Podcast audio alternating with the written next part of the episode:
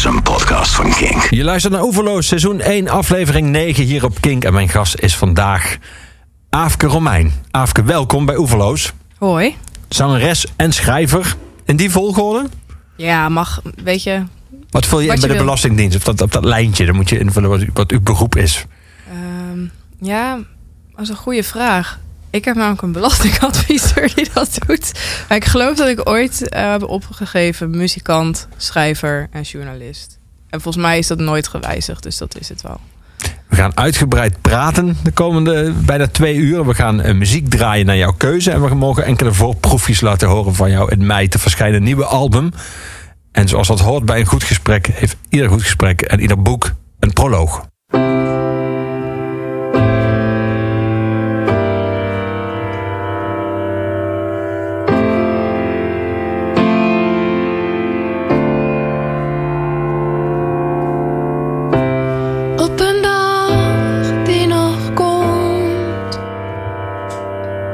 Lig ik uitgestrekt, mijn vingers vertakt tot waar men woont. Met mijn enkels in de duinen, mijn haren uitgewaaierd op de grens.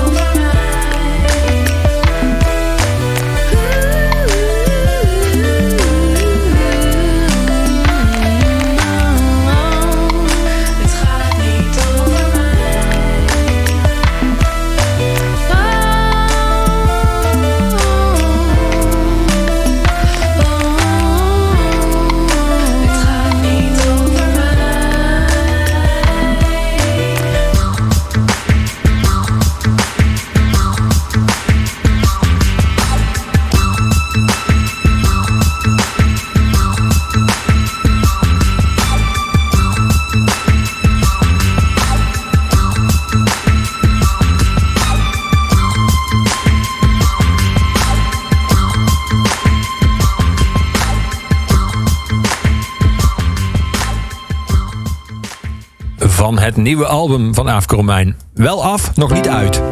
Hij gaat gewoon door ook. Mooi. Hij herhaalt zich. Dat kunnen we ook doen. Einde, Ja. Eindeloze loop. Die sample, hè, we hadden het even over eh, buiten de microfoon om toen we samen een nummer aan het luisteren waren. Toen noemde je die sample eh, die in het nummer zit. Wie is dat? Dat is een, eh een soulzanger uit de jaren 60. Angelo Bond heet hij. Maar hij is echt heel onbekend. Ehm kan ik heel weinig informatie over hem vinden. Hij kwam... Heeft hij wel toestemming? Nou, dat weet ik niet. Maar het, het zijn samples van minder dan vijf seconden. Dus nou in die zin eh, hoeven we niks te vragen. Je kent alle regels al. Ja, dat is dan weer een voordeel van, eh, van mijn werk. Ehm, ja, nee, hij kwam een keer eh, toevallig voorbij in een zo'n aanvullijstje van Spotify bij mijn man. En mijn man die eh, heeft een heel goed oor voor samples. En die heeft dat bewaard en het kwam af en toe voorbij. En steeds dacht ik van, ah, dit is super vet. Ik moet er een keer wat mee doen. En het, ik wist niet wat en hij ook niet. En op een gegeven moment was ik heel erg met dit nummer aan het klooien. Ik kreeg de tweede helft niet goed. En de plaat moest af. En toen dacht ik, wacht even. Ik heb die sample nog. En ik ga het gewoon doen. En ehm, nou ja, zo geschieden. Had je die sample nog of had je nog een hele lijst met 48 in de loop der jaren verzamelde, maar nog nooit gebruikte samples? Ja, we hebben inmiddels wel een soort van sample library van... Ik weet niet hoeveel. Maar er zijn er altijd wel een paar die echt blijven hangen. Waarvan je gewoon meteen weet van... ah, ooit moet ik daar iets mee doen. Ehm, en eh, ja, weet je, er zijn ook heel veel gewoon met van één snare of één klep of zo. Die gewoon heel handig zijn. En dat je er af en toe doorheen bladert en denkt van... Hé, hey, dat is wel tof. Ja. Ja. Is dat zo'n zo'n sample library die je hebt? Ja. Heb je die ook eh, zeg maar in, voor je literaire en je journalistieke werk? Heb je overal mapjes met soort van losse flarden van aanzetten tot wellicht ooit te gebruiken ideeën? Nou ja, ik, eh, ja eh, alleen journalistiek en qua schrijven heb ik het allemaal op papier. Dus dat doe ik nog echt heel analoog. Eh, met samples hoeft dat godzijdank niet meer. dat is echt heel fijn. Ja. Dat ze helemaal gek worden. Maar ehm, nee, ja, ik heb gewoon een opschrijfboekje waar ik echt heel nauwkeurig in categoriseer. Dus ide- ideeën voor artikelen, voor essays. ehm, dingen die ik nog wil lezen, weet je wel. Eh, daar hou ik allemaal wel bij, ja. Dus je schrijft netjes. Ja, ik mensen. schrijf best... eh, Als ik mijn best doe, schrijf ik heel netjes, ja. Ben je geordend? Ja, ik ben heel geordend, maar ik ben, ja, het is een beetje paradox. Ik ben van nature eigenlijk heel chaotisch, maar ik heb daar zo'n scheidhekel aan dat ik mezelf in de loop der jaren een soort regime heb opgelegd van lijstjes maken. eh, Je hebt systemen bijhouden. bedacht. Ja, ja. maar af en, toe, af en toe gaat er nog steeds wat mis hoor. Dan sla ik mezelf echt drie keer voor mijn hoofd. Dus eh, ja. Maar over het algemeen gaat het wel goed. Ja. Ja. We gaan ook na- naast eh, enkele nummers van je nieuwe album eh, nummers draaien die op de een of andere manier voor jou iets betekenen. Die, die jij mooi vindt of die waardevol zijn gebleken eh, in jouw leven. Ehm, is, is er ergens een rode draad te ontwaren waar we gaan luisteren? Of schiet dat alle kanten op? Nou, het schiet wel redelijk alle kanten op. Ehm, maar dat komt ook omdat ik een vrij eclectisch luisteraar ben. Ik heb wel periodes dat ik heel veel naar één genre luister. Of dat ik playlists samenstel eh, met één vibe of zo. Maar over het algemeen luister ik echt naar alle genres. En van oud tot eh, nieuw. En, ehm, ja, en ik heb overal wel mijn voorkeuren in, zeg maar. Maar ik kan, ik kan ontzettend genieten van enorme commerciële muziek. En net zo hard genieten van noisecore. eh, ja, die je trommelvliezen aan barsten scheurt, zeg maar. Ja. Dus, het, ja, dus dat is wel...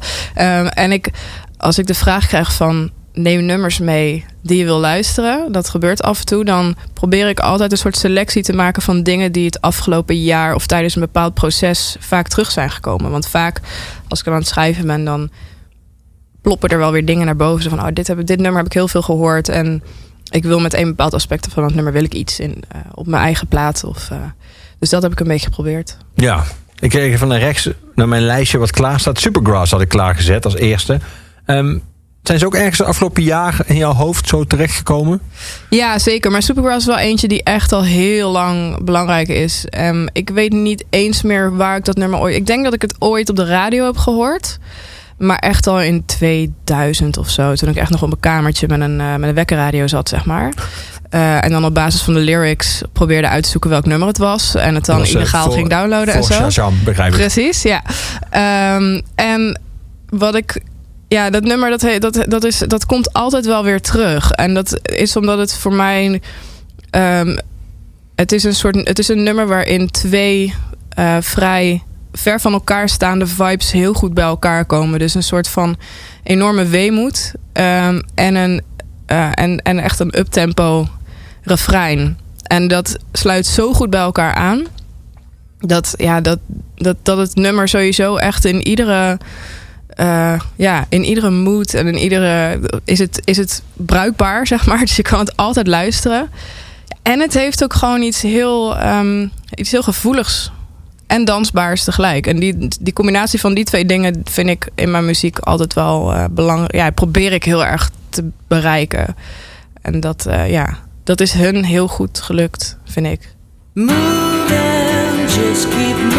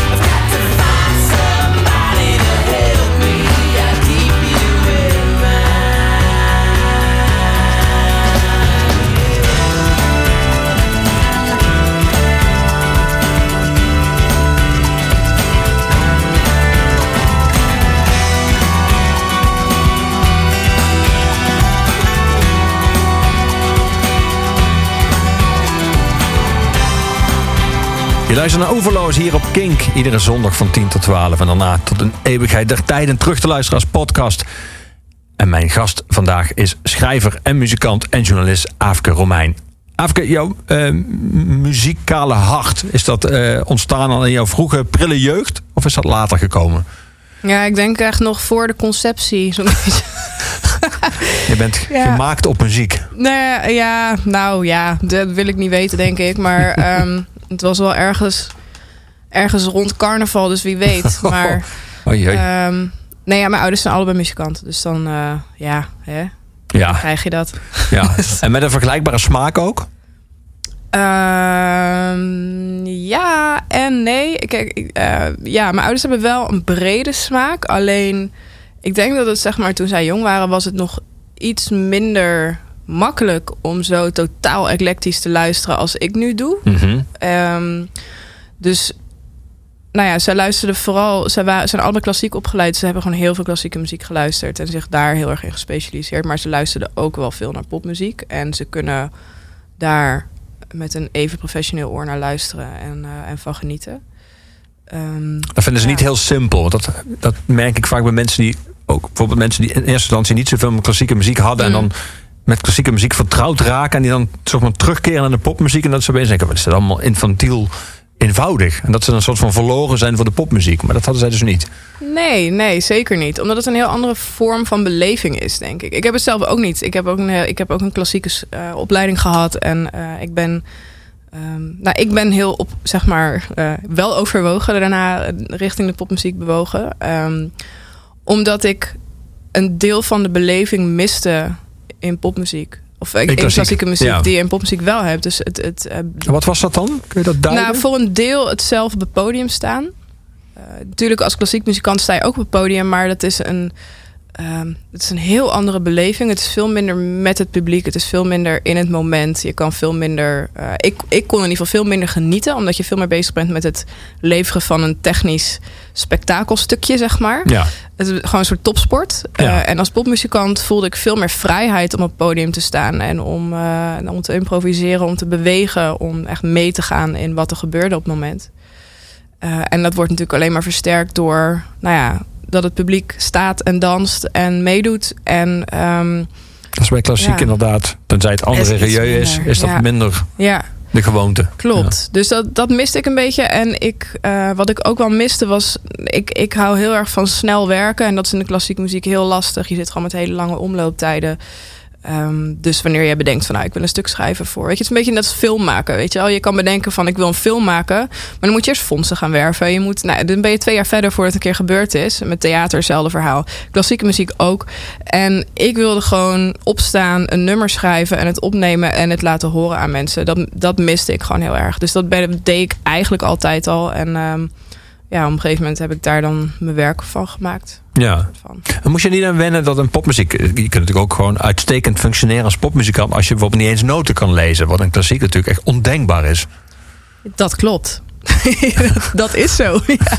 Ja.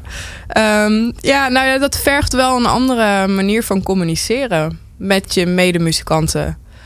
En ja, soms vind ik dat heel ingewikkeld. Ik, ben, ik, ik, ben, ik heb compositie gestudeerd, dus ik ben gewoon heel erg gewend. Als ik iets in mijn hoofd heb, schrijf ik het eerst op. Ja. En dan ga ik het omwerken. Eh, dan geef ik het in notenschrift aan muzikanten. Zij gaan het instuderen. Daarna kom je bij elkaar om, en dan maak je het beter, zeg maar. Ehm, ja, en dat gaat niet altijd. En dat. eh, ja, je, je bent er. Ik, ik ben er heel erg aan gewend geraakt. Eh, en ik voel me Om nu het, in vaak. woorden, om het in woorden te vatten, wat je bedoelt. Ja, nou ja, of om gewoon, weet je wel, per muzikant ehm, gewoon helder te communiceren van oké, wat is voor jou de handigste manier om te werken, om, om te communiceren. En eh, dat is bijna nooit notenschrift, heb ik gemerkt. Maar ook voor mensen die gewoon consortiumopleiding hebben gedaan, je raakt dat zo snel ontwend, zeg maar. Dat je eh, ja, als popmuzikant veel liever dat ze zeggen van oh, schrijf de akkoorden maar voor op en ik doe het wel wel. Ik doe wel wat, weet je Ja. wel. Of lever een MIDI-file aan of eh, dat soort dingen. Ja. Ja, Heb je, je zei in het begin toen ik vroeg of jij geordend bent, eh, dat je zeg maar, voor alle systemen hebt aangelegd. Is dit, is dit er één van voor jou zelf? Notenschrift? ja zeker. Ja, voor mij, maar voor mij, ik, ik heb zo jong noten leren schrijven. Ik had altijd muziek in mijn hoofd en mijn moeder heeft me geleerd hoe je dat moet opschrijven. En dat is voor mij, gaat dat net zo snel als het schrijven van een tekst. Dus voor mij is het soms heel lastig om me weer te realiseren van wacht even, dat is voor mij zo, maar niet voor iedereen. Eh, dus er zijn ook mensen die dat, eh, ja, die dat niet lezen van papier, zeg maar. Weet je? Mhm. Dus dat, eh, eh, ja, en voor mij is het een heel duidelijk en heel logisch systeem. Eigenlijk het moment dat ik er van- pas van ben gaan afwijken en het een beetje heb leren loslaten, is het moment dat ik beats ging maken. Omdat je beats eigenlijk heel lastig in noodschrift kunt schrijven. Dat is heel omslachtig. Het kan wel, maar dat is zo, weet je wel, dat is zo klassiek georiënteerd. Dan, je kan een kick, een snare en een hi-hat kun je opschrijven, maar daarna wordt het heel moeilijk. Ja. Dus toen werd het opeens makkelijker om het gewoon in MIDI te programmeren. Of eh, ja. Ehm, en eh, ja, het heeft me echt gewoon een paar jaar gekost voor ik me over die mentale drempel had heen gezet, zeg maar. Dat ik dacht van. En toen ik dat eenmaal ging doen, dacht ik, oh, dit is eigenlijk ook wel heel makkelijk. Ja, ja. ja. Dus. We gaan luisteren naar de eerste single eh, van eh, jouw album. Die, nou, die wel al zeg maar, het publieke domein heeft betreden. Die staat gewoon op Spotify en op, alle, op iTunes. En die is gewoon aan te koop en te beluisteren. Ehm, ze zeggen, wie zijn ze? En wat zeggen ze?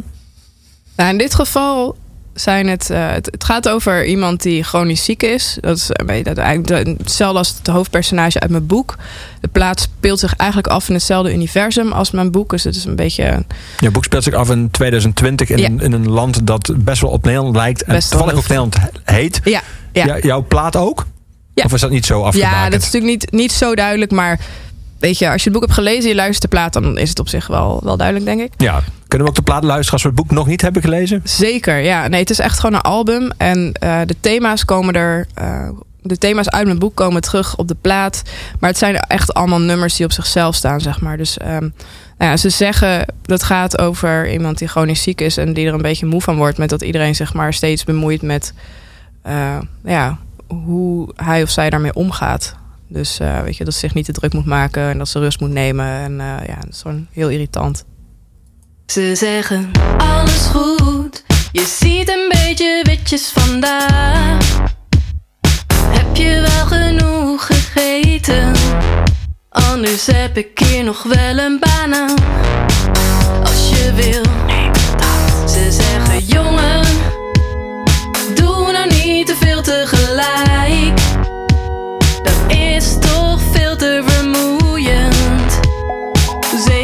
Zeker voor zo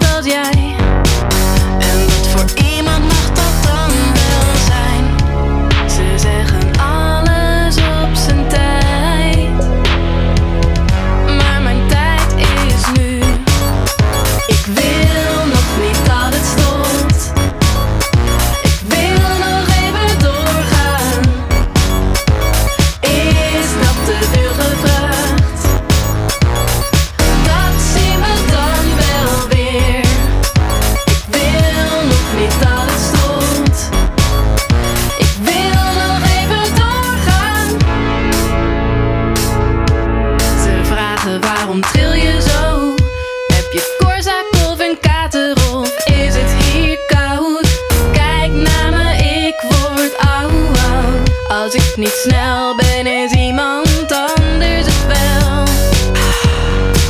Ze zeggen, ken jezelf, maar mijn ego is mijn beste vriend. Zij en ik, we zijn als zout en zuur. Samen lossen we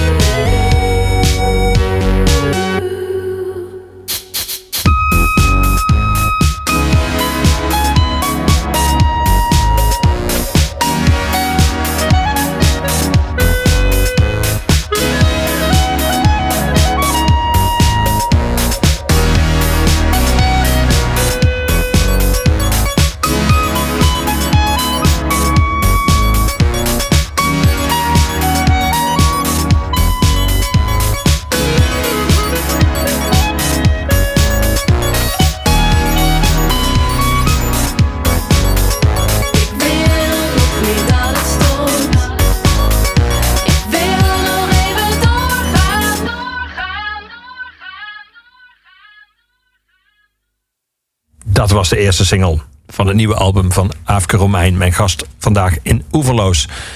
Ehm, je zei al, dus de thematische verwantschap tussen eh, een deel van de nummers op je nieuwe album en eh, je roman, die vorig jaar verschenen roman, Concept M. Ehm, de hoofdpersoon van het nummer dat we zojuist naar luisterden, die eh, was chronisch ziek. Dat geldt ook voor de hoofdpersoon van, jou, van jouw boek, Hava. Die leidt aan kleurloosheid. Ehm, het boek speelt zich af in Nederland, eh, in, in, de, een verre toekomst, in 2020. eh, waar we in, Nederland wordt geleid door een man waar ik ontzettend probleem mee heb. Ik zal even voorlezen waarom. Natuurlijk is er Stork, zo heet hij namelijk Stork zelf, een corpulente zestiger met een zwaar Limburgs accent.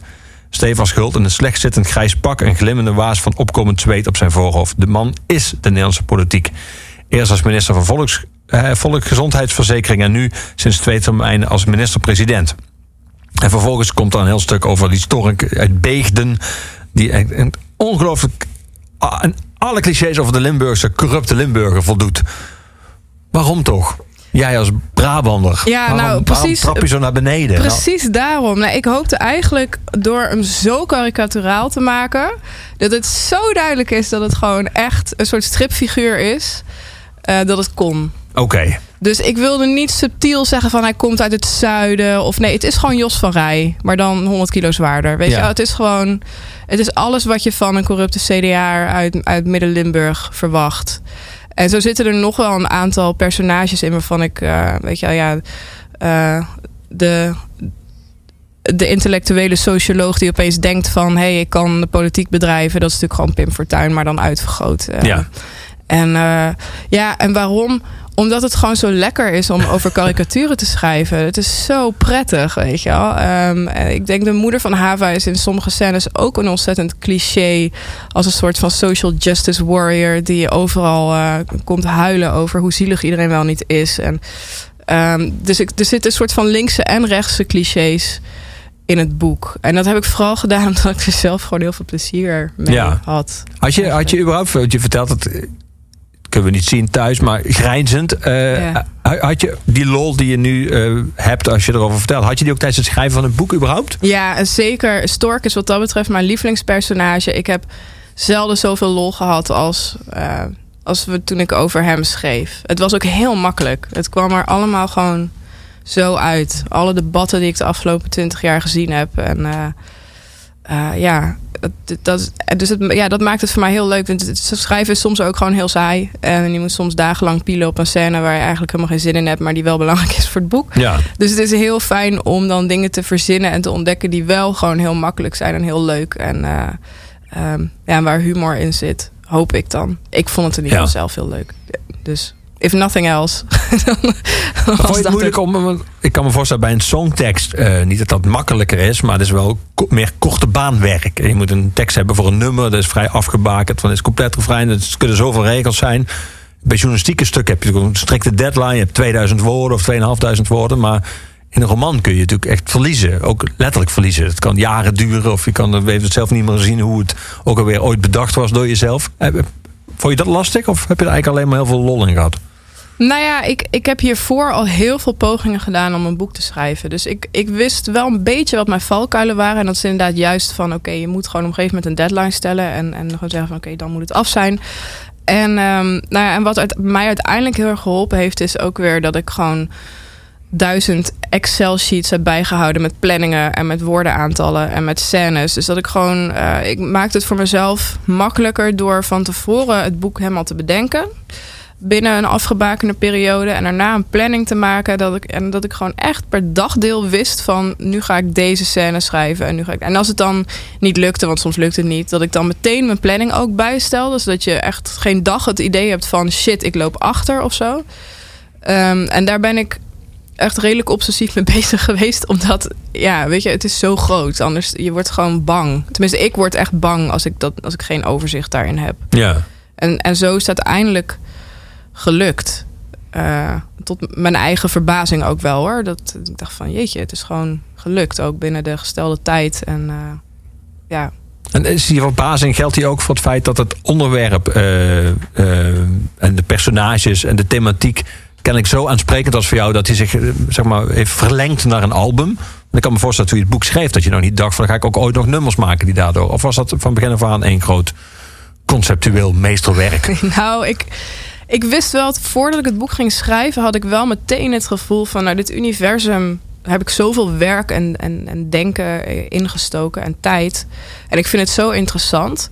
En er is zoveel mogelijk nog. Want ja, weet je, dit, dit boek gaat heel erg over kleurloosheid. Maar ja, in datzelfde universum kan ik ook nog duizend andere dingen laten gebeuren. Het is gewoon, ik heb het bedacht en ik kan doen wat ik wil. Is een soort van, eh, soort van speeltuin. En dus ik had wel meteen het gevoel van, nou, dat gaat sowieso, gaan er nog meer romans uitkomen. Dat, dat gevoel had ik wel meteen. Maar ik vond het wel spannend om eh, kenbaar te maken. Want ik was iets van, ja, ik moet eerst eens één boek schrijven... en kijken of mensen het überhaupt leuk vinden. Want het is een beetje lullig als ik dan al gezegd heb... het wordt een trilogie of zo. En dan Ja, moet je nog twee delen gaan schrijven. zo'n beetje wat AFT van der Heide altijd heeft. Dat je al aankondigt van dit is het eerste van de Ja, ja, 36 ja, precies. samenhangende delen. En Ja, dan moet je dan nog 35 schrijven. Ja, ik, nou, dat inderdaad. En eh, nou heeft hij een vrij eh, vast leespubliek. Dus dan kun je dat veroorloven. Maar dat had ik nog niet. Want het was Nee. mijn eerste boek. Dus ik, nou, in ieder geval dat. En ik had ook wel meteen het idee van... ik wil er iets van geluid bij maken. En of dat dan soundscapes zouden zijn of nummers. Dat wist ik nog niet toen ik het boek aan het schrijven was. Maar dat kwam eigenlijk al vrij snel. Dat is toen ik ehm, tijdens het schrijven ook weer met nummers begon... eh, gingen de teksten eigenlijk al heel snel over dezelfde thematiek, omdat ik er nou eenmaal mee bezig was in mijn hoofd. En ik ben altijd wel op zoek naar manieren om niet over mezelf te hoeven schrijven in mijn nummers. Ehm, ik heb mijn eerste album ging over mezelf en daarna was ik daar eigenlijk wel klaar mee. Ehm, Grappig dat je het zegt, want heel veel debuutromans gaan over jezelf. Ja, nou, ik heb hiervoor dus een roman geschreven die heel erg over mij ging. De echt gewoon één op één. Ik deed wel alsof het niet over mij ging, maar dat was gewoon echt mijn, mijn verhaal. En, ehm, en toen dat af was en het lag bij de uitgever, toen raakte ik een beetje in een soort van existentiële crisis. Omdat ik, eh, nou, het was af en. ehm, maar in, in de periode, zeg maar, de laatste twee maanden dat ik aan het schrijven was, eh, kwamen er echt drie boeken uit. Drie debuutromans die eigenlijk exact hetzelfde waren. Namelijk twintigers, meisjes die schrijven over hun studententijd en hun liefdesleven en zo. En ik dacht opeens, shit man. En dan ben ik dadelijk de achtste in de rij. En er is niemand geïnteresseerd. En wat heb ik nou eigenlijk toe te voegen? Wat is nou zo interessant aan mijn verhaal? En eigenlijk kon ik dat niet formuleren. En toen dacht ik, oké, dan moet ik het gewoon helemaal wegdoen. En, en Hij was echt- helemaal af. Ja, het was helemaal af Wow. Herschreven. Eh, dat was een hele moeilijke keuze. Ik heb daar gewoon een jaar over gedaan.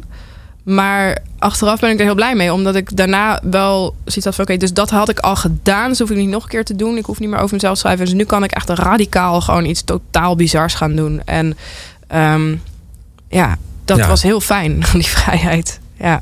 Ook wel bijzonder. Dat boek heb je dus wel geschreven. Ja. Alleen nooit voor ons.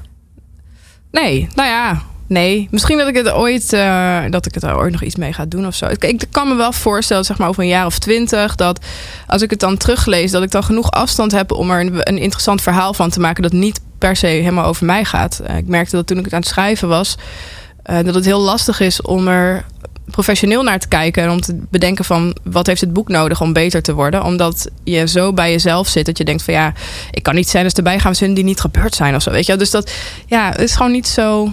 Ehm, en dat maakt het eigenlijk onliterair. Dan is het meer een soort van veredeld dagboek of zo. Mhm. Ja. We gaan muziek draaien van een heel bijzondere man. Die ooit ook te gast was in Oeverloos jaren geleden. Tom Pintens is zijn naam. Hij heeft eh, heel veel muziek gemaakt in, in Vlaanderen. Hij heeft ook met Gorky samen eh, opgetreden. En eh, nummers samen geschreven met Luc de Vos. En hij heeft één fantastisch nummer geschreven... dat jij tot mijn ontstellende blijdschap had uitgezocht om vandaag te draaien. Waar gaan we naar luisteren, Afke? In Charleroi. En eh, ja, ik vind dat echt zo'n ontzettend mooi nummer. En ik, ja, ik weet niet.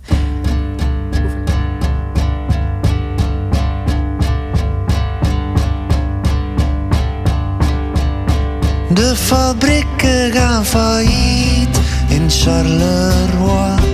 En het geld stroomt naar de Maas in Charleroi.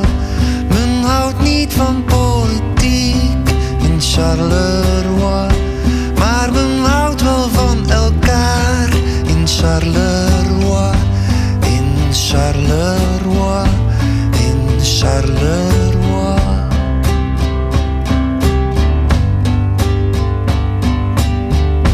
Bij de vakbond is het druk in Charleroi.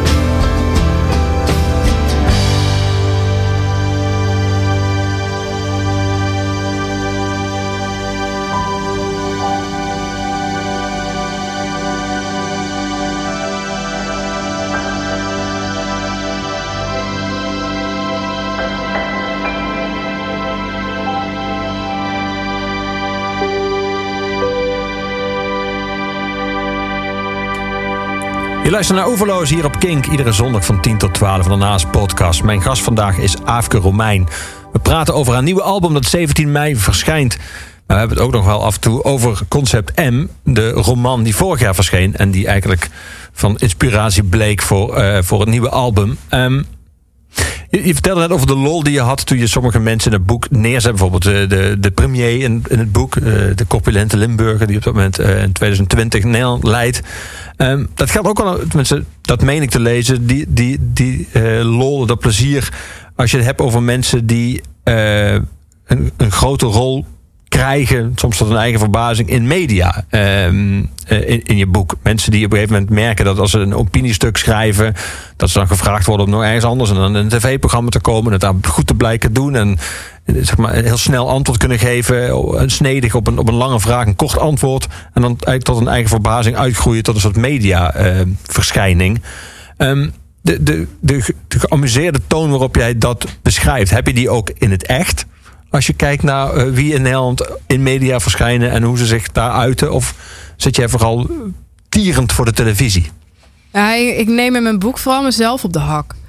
Omdat het bij mij ook zo is gegaan. Ja. Ik, ik, ik twitter een beetje en dan word je gebeld voor de radio. En dan zeggen ze, hé, hey, dat kun je goed. En dan word je nog een keer gevraagd. En opeens zit je vijf dagen per week bij Radio 1... voor geen geld eh, commentaar te geven op alles.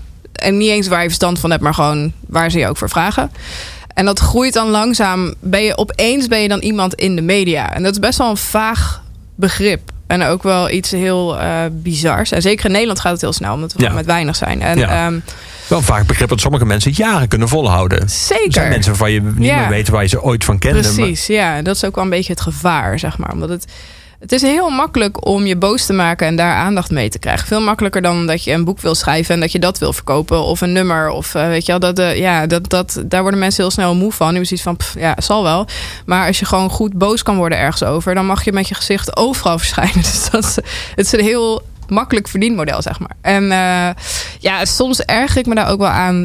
Ik erger me ook wel eens aan mezelf. dat ik echt denk van, joh, moet je daar per se iets over zeggen? Kun je niet, kun je niet gewoon een keer je mond houden, weet je wel? Eh, dus ik probeer daar ook wel...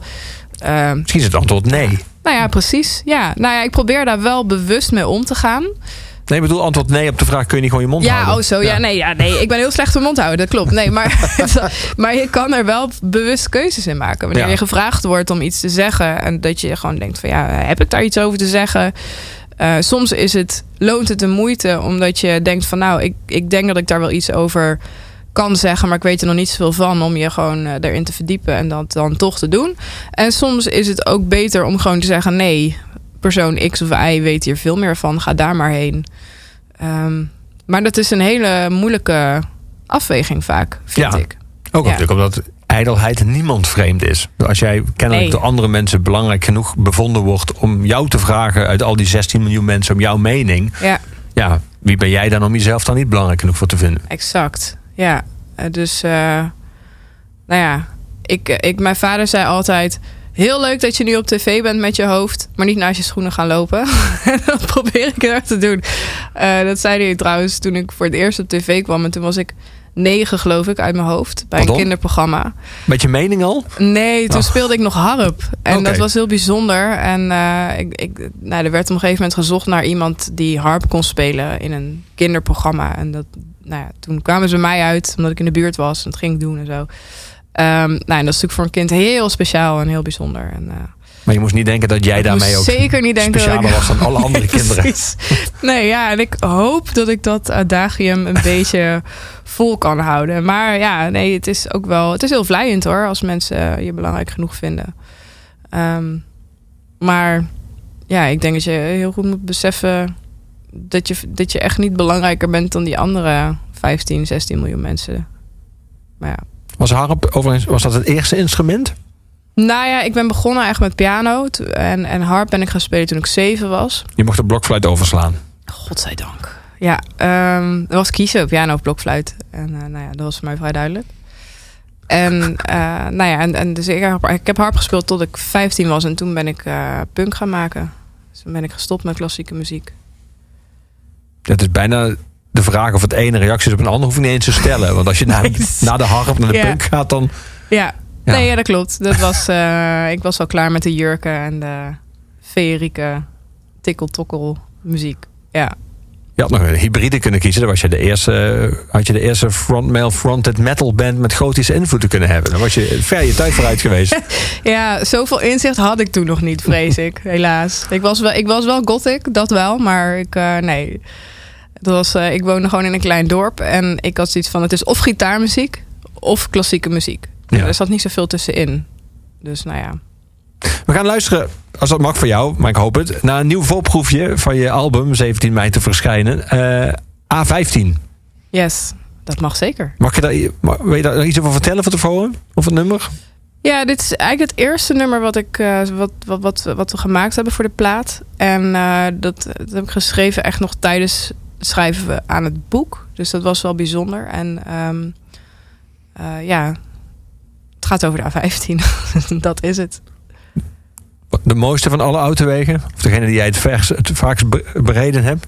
Ik, ben er, ik kom er heel vaak. Ja, nou, in mijn boek eh, speelt de route over de A5 van, van Utrecht naar Nijmegen over de A2 en de A15 een heel belangrijke rol. En de A15 heeft wel eh, bijzondere uitzichten. Ja, dus je hebt, al, je hebt daar de, de Betuwe-lijn en je hebt de sluis bij Tiel. En je hebt een aantal hele lelijke ehm, eh, parkeerplaatsen die heel interessant zijn. En eh, ik schrijf graag over lelijke architectuur. Dus dat was voor mij wel een eh, grote inspiratiebron. Ja. Hou je überhaupt van? Want jij bent natuurlijk, omdat je veel optreedt, ook regelmatig s'nachts op autowegen te vinden terug naar huis.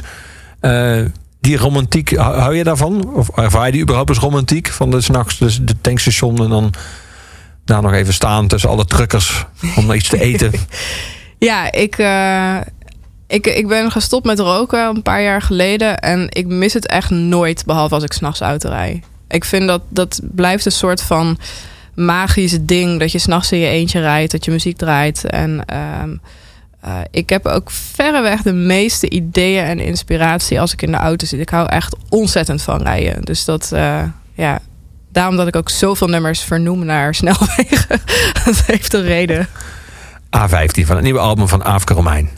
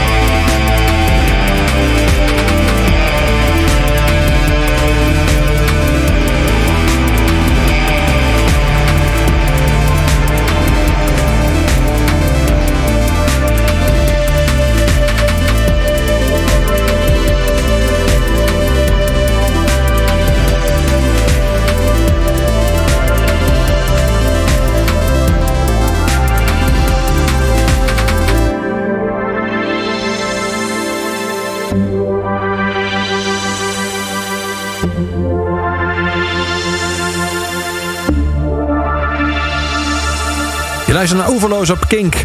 Iedere zondag van 10 tot 12 en daarna als podcast. Mijn gast is vandaag schrijver, journalist en muzikant.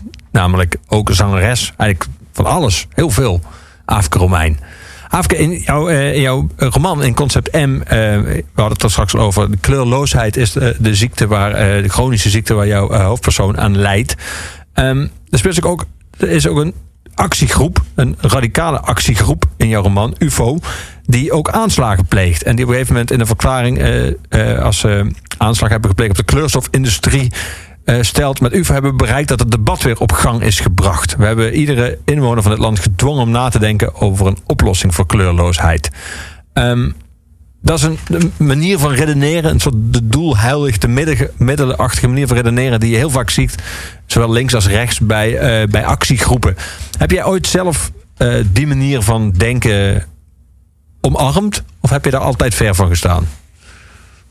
Mm, ja, dat is lastig te zeggen. Ik heb wel, eh, ik heb wel vaak sympathie gehad voor groepen die dieren bevrijden, bijvoorbeeld. Omdat ik gewoon echt met mijn hartstikke er niet bij kan dat we het normaal vinden dat we dieren consumeren op zo'n enorme schaal. En ze daarvoor kweken en dan doodmaken.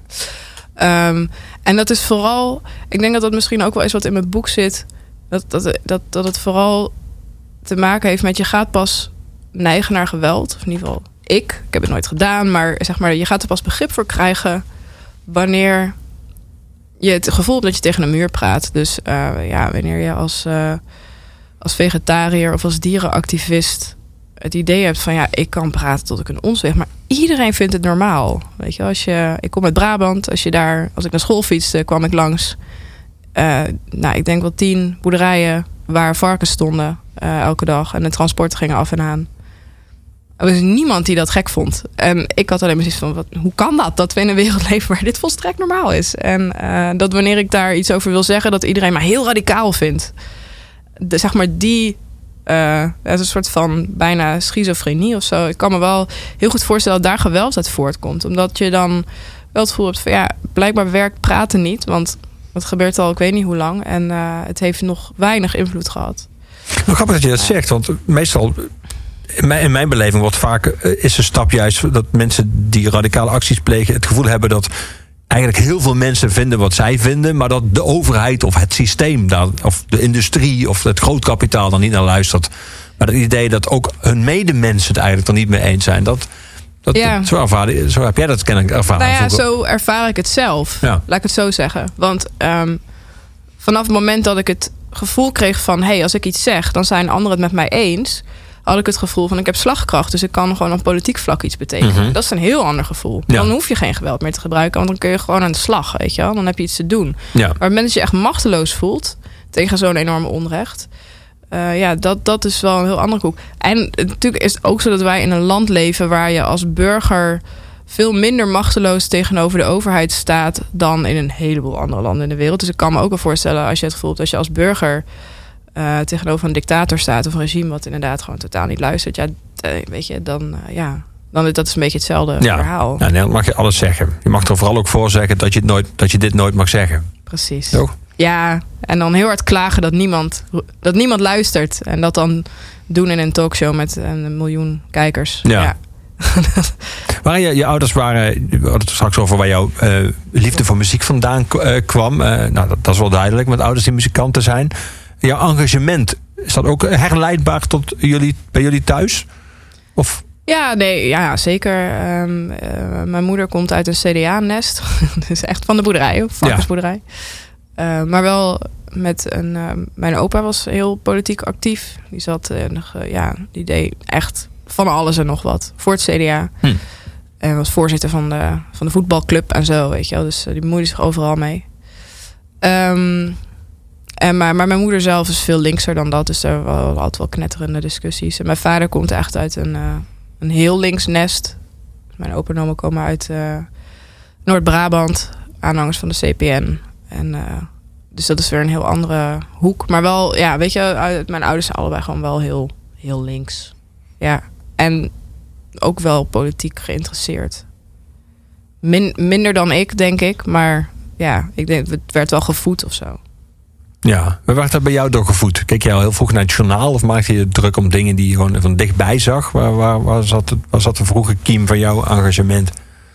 Dat ik wel, ja, ik, ik keek al heel vroeg het journaal. Dat werd wel elke dag gekeken bij ons. En eh, s ochtends werd er eh, op de radio naar, naar Radio 1 geluisterd. Zo, tijdens het ontbijt, dus dan hoorde je ook altijd wel veel voorbij komen.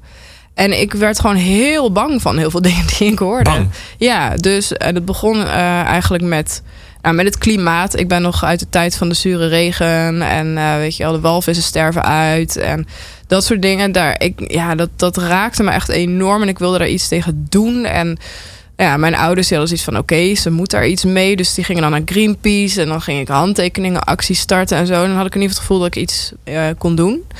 En ja, dat breidde zich langzaam uit. Ik weet dat eh, ja, de, de, de verkiezingen zeg maar, van Paars 1 en 2... dat zijn eigenlijk de eerste verkiezingen die ik echt heel bewust heb meegemaakt. En waar ik ook echt... eh, eh, ja, waar ik iedereen kende die op de kieslijst stond. Zo'n beetje zo interessant vond ik het. En ik ging naar alle verkiezingsmarkten. En dan nam ik alle folders mee en de ballonnen. En, eh, Een soort politieke nerd was je. ja, een beetje zoals andere mensen naar voetbal keken of Ja, zo. ja. Dat, dat, voor mijn gevoel was dat het. Ja, ja, Ik zit nu te Dus- nadenken. Er zijn ook uitslagen. Er zijn winnaars Er en zijn verliezers. uitslagen, er zijn winnaars, verliezers. Je moet een kant kiezen, je hebt een kleur, je, hebt een outfit. Het, is, ja, het heeft er heel veel van weg. Het, zijn, het is iets inhoudelijker, maar ja, Ja, soms. je hebt hooligans. Je hebt hooligans. Precies, ja, dit is echt precies. Je hebt alleen geen stadions, dat vind ik altijd wel jammer. Je kan niet naar een debat gaan kijken in een boksring of zo. Dat had ik nog Nee. wel leuk gevonden. Ja. We gaan muziek draaien. We gaan daar verder praten.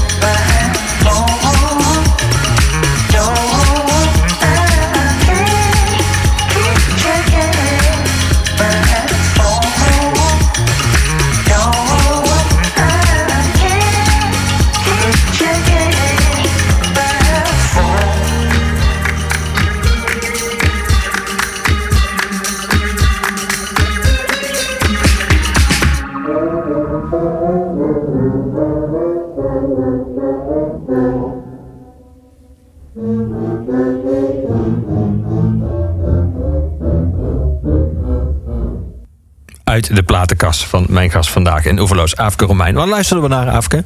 Eh, Unknown Mortal Orchestra met Can't Keep Checking My Phone. En de ironie was dat jij tijdens het nummer, nummer de hele tijd mijn telefoon aan het checken was. yeah man, zo rollen we. ja, je bent heel actief op social media, vooral op Twitter. Ja. Ehm, heb jij daar een soort beleid in? Of reageer je gewoon op iedere anonieme troll met een Nederlands vlaggetje rechts van zijn naam voor zijn 12 followers? Ja, met eh 35861 is de naam. Ja. ik, eh, nee, ja, het lijkt alsof ik totaal beleidloos Twitter en alles erop zet. Maar ik maar heb, in eh, werkelijkheid? ik, heb, ik, heb, ik heb een protocol. Oh, ja, vertel. zeker. Nou, ik zal het niet helemaal uit de doeken doen, want dat is ook, wel- dat, dat, dat, dat is ook wel, het haalt een beetje van de magie weg. Maar ik, ik, eh, ik probeer wel iedere paar maanden even een momentje in te lassen om eh, even na te denken van oké, wat, eh, wat ging er goed, wat ging er minder goed, wat heeft me te veel tijd gekost en energie. En, eh, een soort evaluaties. Zeker, ja. Maar ik steek er zoveel tijd in, dat mag dan ook wel. Ja. En daar volgen dan een aantal regels uit. En die regels hebben heel erg inderdaad betrekking op hoe ik met trollen omga, met trolls en wat ik wel en niet doe. Dus ehm, weet je wel, je, je kan ze af en toe kun je ze retweeten met een leuke comment erbij, maar dat ga je niet bij elke troll doen, want dan blijf je bezig. Dus eh, eh, ik, ik blok heel snel. En ehm, ja, hoe ga je om met mensen die het ooit met je eens waren en nu heel teleurgesteld zijn en heel boos zijn en dat soort dingen, weet je wel. En, ehm, maar het is ook heel, ik probeer toch vooral ook heel proactief te zijn. Dus gewoon per dag één of twee keer echt zelf een onderwerp aan te dragen en een draadje te maken. En eh, in plaats van altijd maar te reageren op iedereen. Want het is natuurlijk heel makkelijk op Twitter, want je leest heel veel. En je, je kan overal heb je wel iets over te zeggen. ja. Maar het leukste is eigenlijk om zelf de content te maken. En dat is ook waar mensen je uiteindelijk voor gaan volgen. Dus dat, eh, ja, daar Maar hoe zie jij die mensen die jou volgen? Zijn dat, eh, zijn dat zeg maar, potentiële kopers van je boek of album? Of, eh, of staat het helemaal los van elkaar? Of zijn dat geestverwanten? Of mensen wie je je geest kan scherpen? Of zijn mensen wie je elke dag even inspirerend kan ergeren? Hoe zie je die mensen? Of zijn dat potentiële vrienden? Nou ja, dat, dat, dat, zit, dat zit, die zijn er allemaal. Oké. zijn er, zijn er nu iets meer dan 16.000.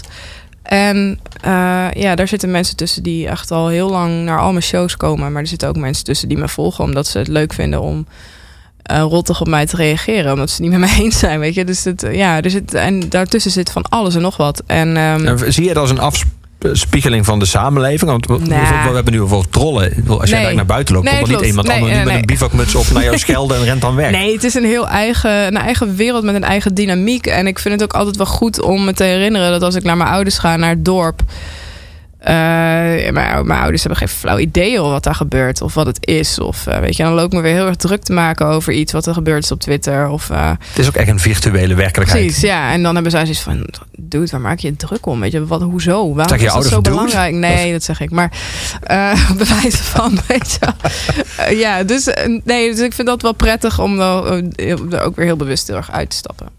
Ja, dat houdt het wel een beetje gezond, denk ik. Ja. Muziek. We gaan naar David Bowie luisteren. Eh, die klinkt vaker als ik mensen vraag of ze favoriete albums of iets wat dierbaar voor ze is op muzikaal gebied willen meenemen. Maar zelden uit deze periode. Zelden Mhm. uit 2002. Ja, Eh, Slip Away heb je uitge- uitgezocht. Waar, waarom deze? Waarom deze periode van Bowie? omdat ik die de aller, allerbeste vind. Zo. Ja, man, Dus hij- er werd zoveel gehaat op de jaren 90 en begin 2000. David Bowie, wat hij toen maakte. En het is zo goed. En ik snap het ergens wel, want als je het terugluistert. Je kan het als een soort van bijna camp ervaren wat hij doet. En, ehm, maar eigenlijk doet hij in die periode wat hij altijd al heeft gedaan. Hij neemt aspecten uit wat er op dat moment leeft in de popmuziek. En hij stopt het in zijn eigen muziek. En hij maakt er zijn eigen ding van. Alleen het, ding met David Bowie in de jaren negentig was, was dat hij, geen, dat hij niet meer echt die rockster-achtige status had. Hij was te oud, hij was niet meer verslaafd, weet je, hij was een beetje saai geworden. Dus mensen hadden zoiets van, oh, weet je, hij probeert nog een beetje hip te doen. of. Maar dat is niet zo. Het was gewoon echt, het is relevante muziek en het is echt minstens net zo goed als wat hij, eh, wat hij in de jaren 60, 70 en 80 gemaakt heeft. Dus ja, ik, ik zie mezelf toch altijd wel een beetje als een soort van niet een ambassadeur, maar ik probeer dat toch iedereen door zijn strot te duwen. Want het is gewoon echt heel goed. Ga nog een keer daarna luisteren. Ehm, want heel veel mensen hebben die plaat dan één keer geluisterd in de jaren negentig en toen gedacht van oh, oh my god, nooit meer luisteren. Doe het maar eens gewoon. Het klinkt nu echt anders, denk ik. Het is echt goed.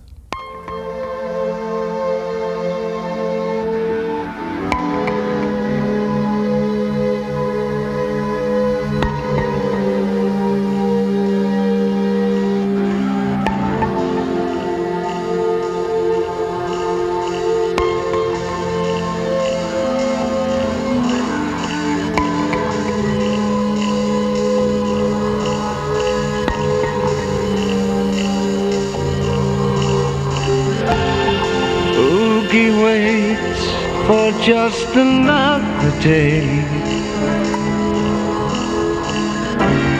Drags his bones to see the Yankees play. Bones by tops and flickers grey. Oh, they slip away.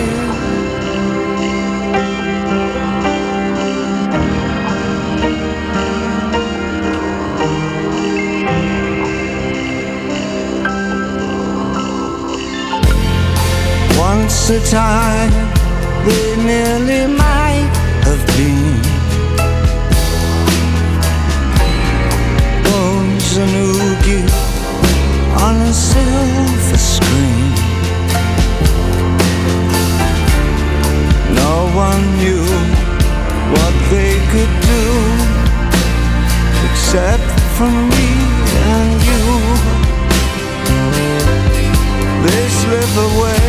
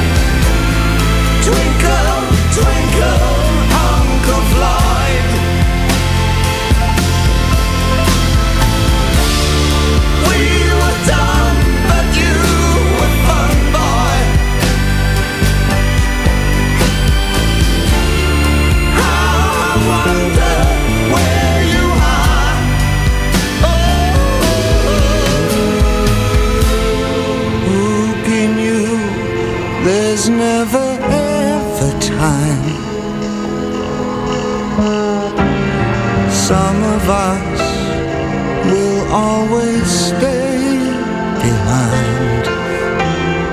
Down in space, it's always 1982.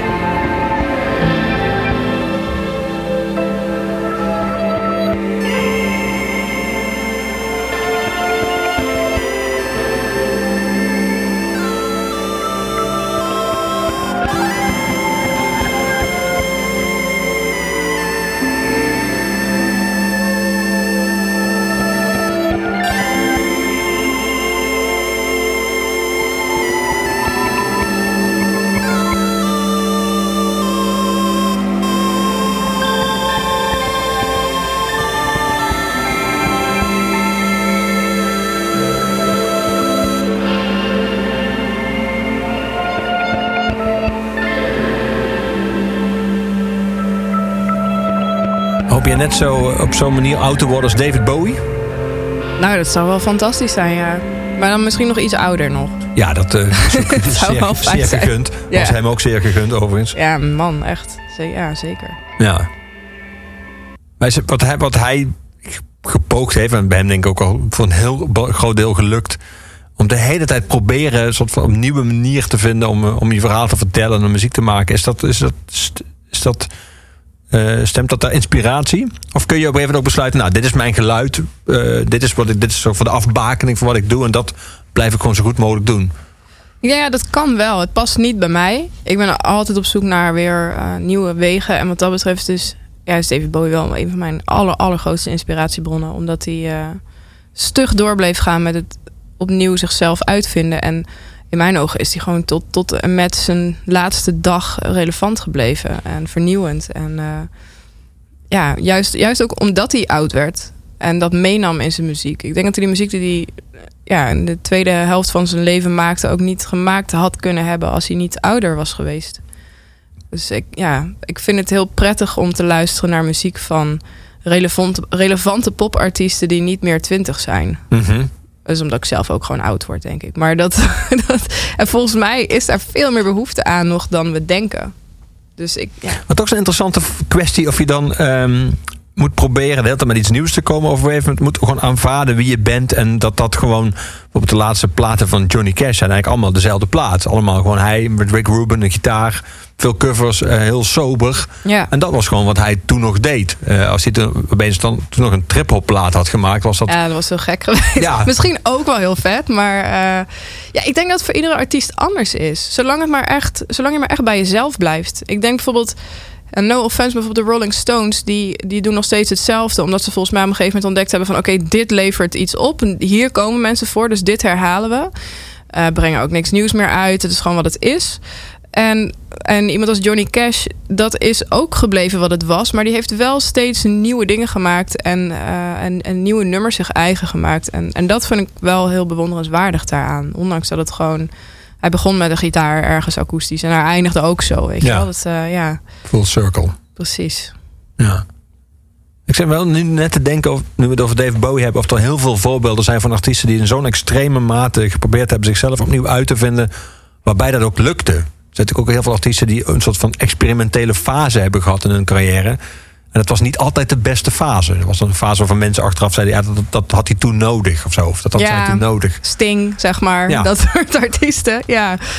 Ehm, nee, ik denk niet dat er heel veel voorbeelden zijn. Ik had, ik had laatst een keer een discussie met iemand over of Prince zo'nzelfde voorbeeld is. Dus in, eh, er zijn heel veel Prince-fans hebben ook het idee van, nou, die heeft zichzelf ook heel vaak opnieuw uitgevonden. En ik denk dat het in een bepaald opzicht wel klopt. Alleen heb ik bij Prince wel altijd het gevoel dat Prince zo zichzelf is dat, ja, dat kun je bijna niet. eh, weet je wel, je kan er andere muzikanten achter zetten of zo, maar het blijft Prince. Ja, Dat, ja, je kan. zelfs toen hij niet meer Prince heette. Precies, ja. Dus ik. ehm, maar ja, dat maakt niet uit, weet je wel. Dus eh, ik denk wel dat, dat iemand als Prince is ook tot de laatste snik eh, ontzettend relevant gebleven. Maar wel met zijn, met zijn eigen universum. Hij had echt een totaal eigen wereldje wat hij overal neerzette en wat er altijd was. En ehm, ja, dus in die zin deed hij dat ook, maar wel binnen zijn eigen kaders of zo. Als artiesten wel hetzelfde blijven doen. ehm, en jij vindt ze aanvankelijk goed. Je bent ooit echt in, ingehaakt bij een album.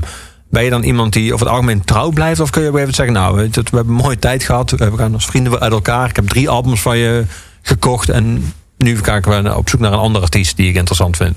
Ja, dat ligt een beetje aan hoe goed het is.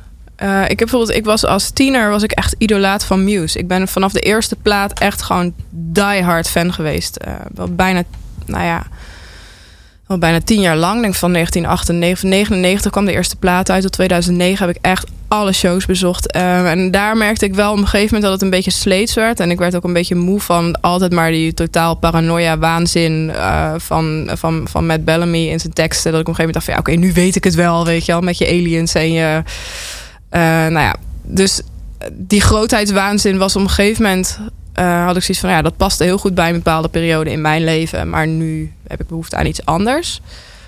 Ik kan er nog steeds wel met heel veel plezier naar luisteren. Maar ik ben er niet meer zo totaal van ondersteboven als eerst. Maar bijvoorbeeld een band als Radiohead volg ik ook al vanaf nou, diezelfde periode. Dus dat ik naar de brugklas ging. In 1998, oké, computer. Ehm, en daar heb ik dat niet bij. Eh, dus ik had zelfs toen zij hun eerste zogenaamd experimentele albums gingen maken.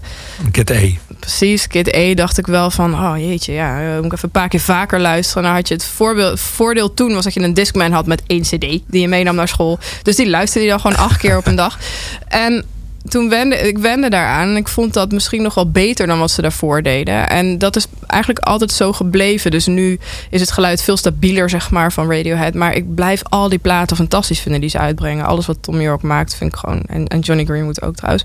Dus daar heb ik dat helemaal niet mee bij. Dat het, mee dat het sleets blijft. Ondanks dat die teksten van Tom York ook altijd vaag en absurd zijn. En ja, weet je wel, dat er ook niet heel veel variatie in zit.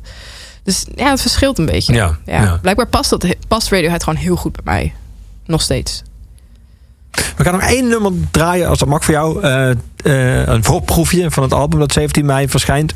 Een heel klein beetje oorlog heet het nummer. Ehm, weet je nog, nou dat weet je vast nog, eh, wat er in jouw hoofd afspeelde toen je de nummer schreef?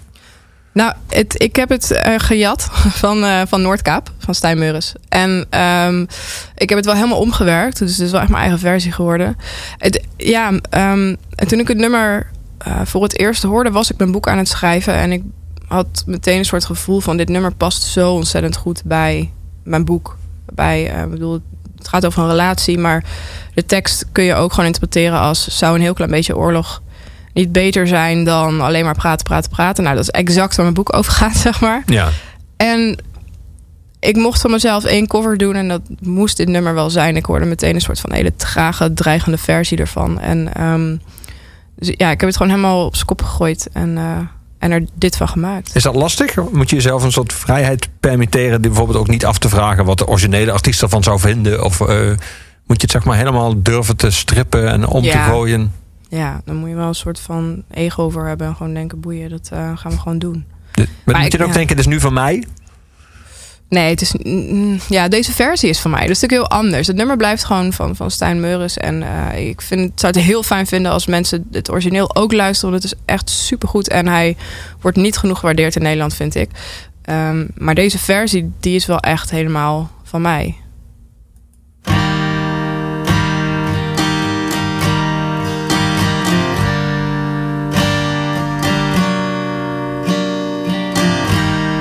Zou een heel klein beetje oorlog soms niet beter kunnen zijn dan die luid gesproken woorden en nachten van de pijn? Zou een heel klein beetje oorlog soms niet beter kunnen zijn? dan onuitgevoerde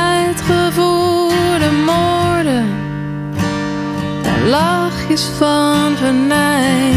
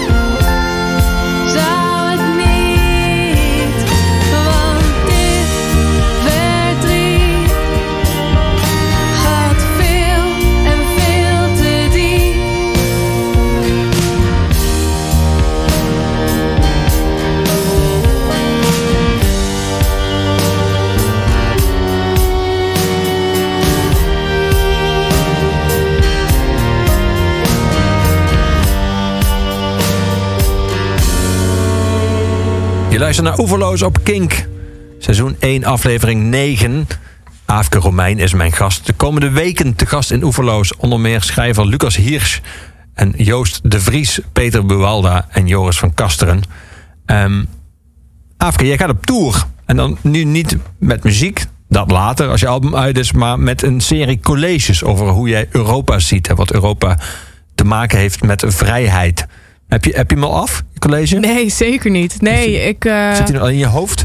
Ook niet. Eh, maar dat gaat mij altijd heel erg. Ik heb een hele lange aanloopperiode waarin ik ontzettend veel lees en aantekeningen maak. En, eh, en op een gegeven moment totaal in paniek raak over dat het nooit meer afkomt. En dan opeens, altijd zeg maar net voor de deadline. Nou, is niet helemaal waar, want ik, ik neem altijd wel ruim de tijd. Maar ehm, op een gegeven moment valt er dan een soort kwartje. En dan begin ik te schrijven. En dan heb ik zes keer zoveel als dat ik eigenlijk kan gebruiken. Weet je wel? Ja. Dus dat gaat mij altijd soort van.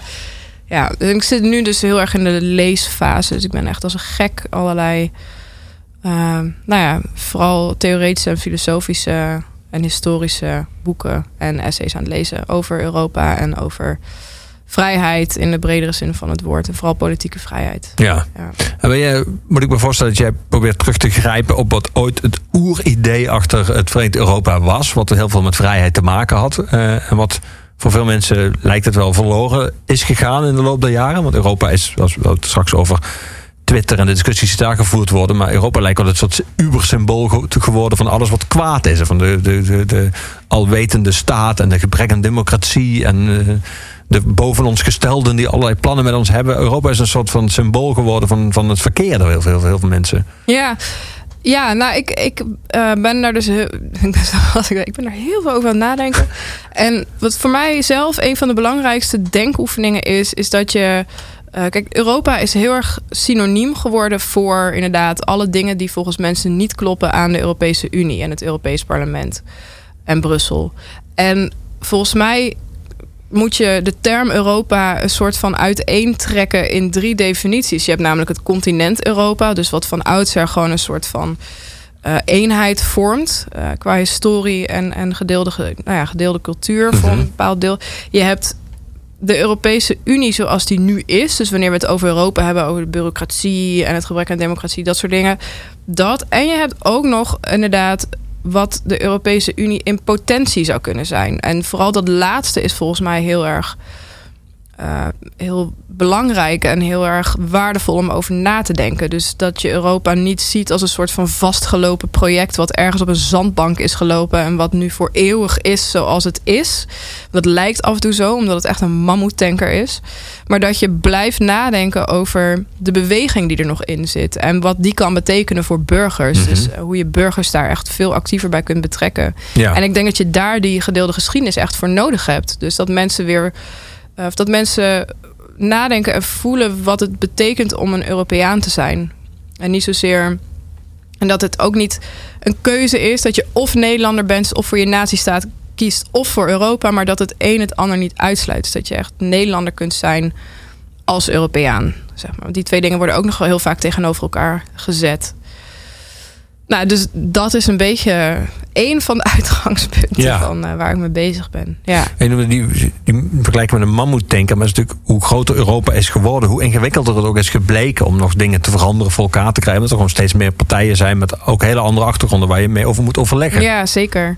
Maar dat is denk ik een politiek dilemma waar, waar je in het klein en het groot altijd tegenaan loopt. Namelijk hoe meer mensen je hebt als, als vereniging of als unie, hoe meer slagkracht je hebt naar de buitenwacht, maar hoe meer interne eh, verdeeldheid je ook hebt. Dus ja, dat is volgens mij een soort duivels dilemma waar je nooit helemaal uitkomt en waar je steeds maar weer mee moet dealen en waar je een soort van weg in moet vinden. Ik denk wel dat het heel erg belangrijk is voor, voor Europa wel om al die staten erbij te houden. Want het is wel, ehm, het is wel het eerlijkst. Eh, weet je wel, dus het, het, het, ehm, nou ja, goed. Dus ik geloof er wel heel erg in dat, dat, die, dat die lidstaten echt allemaal hun, beide, hun, hun waarde hebben. En ehm, ook al lijkt dat soms niet zo. Ben jij Europeaan?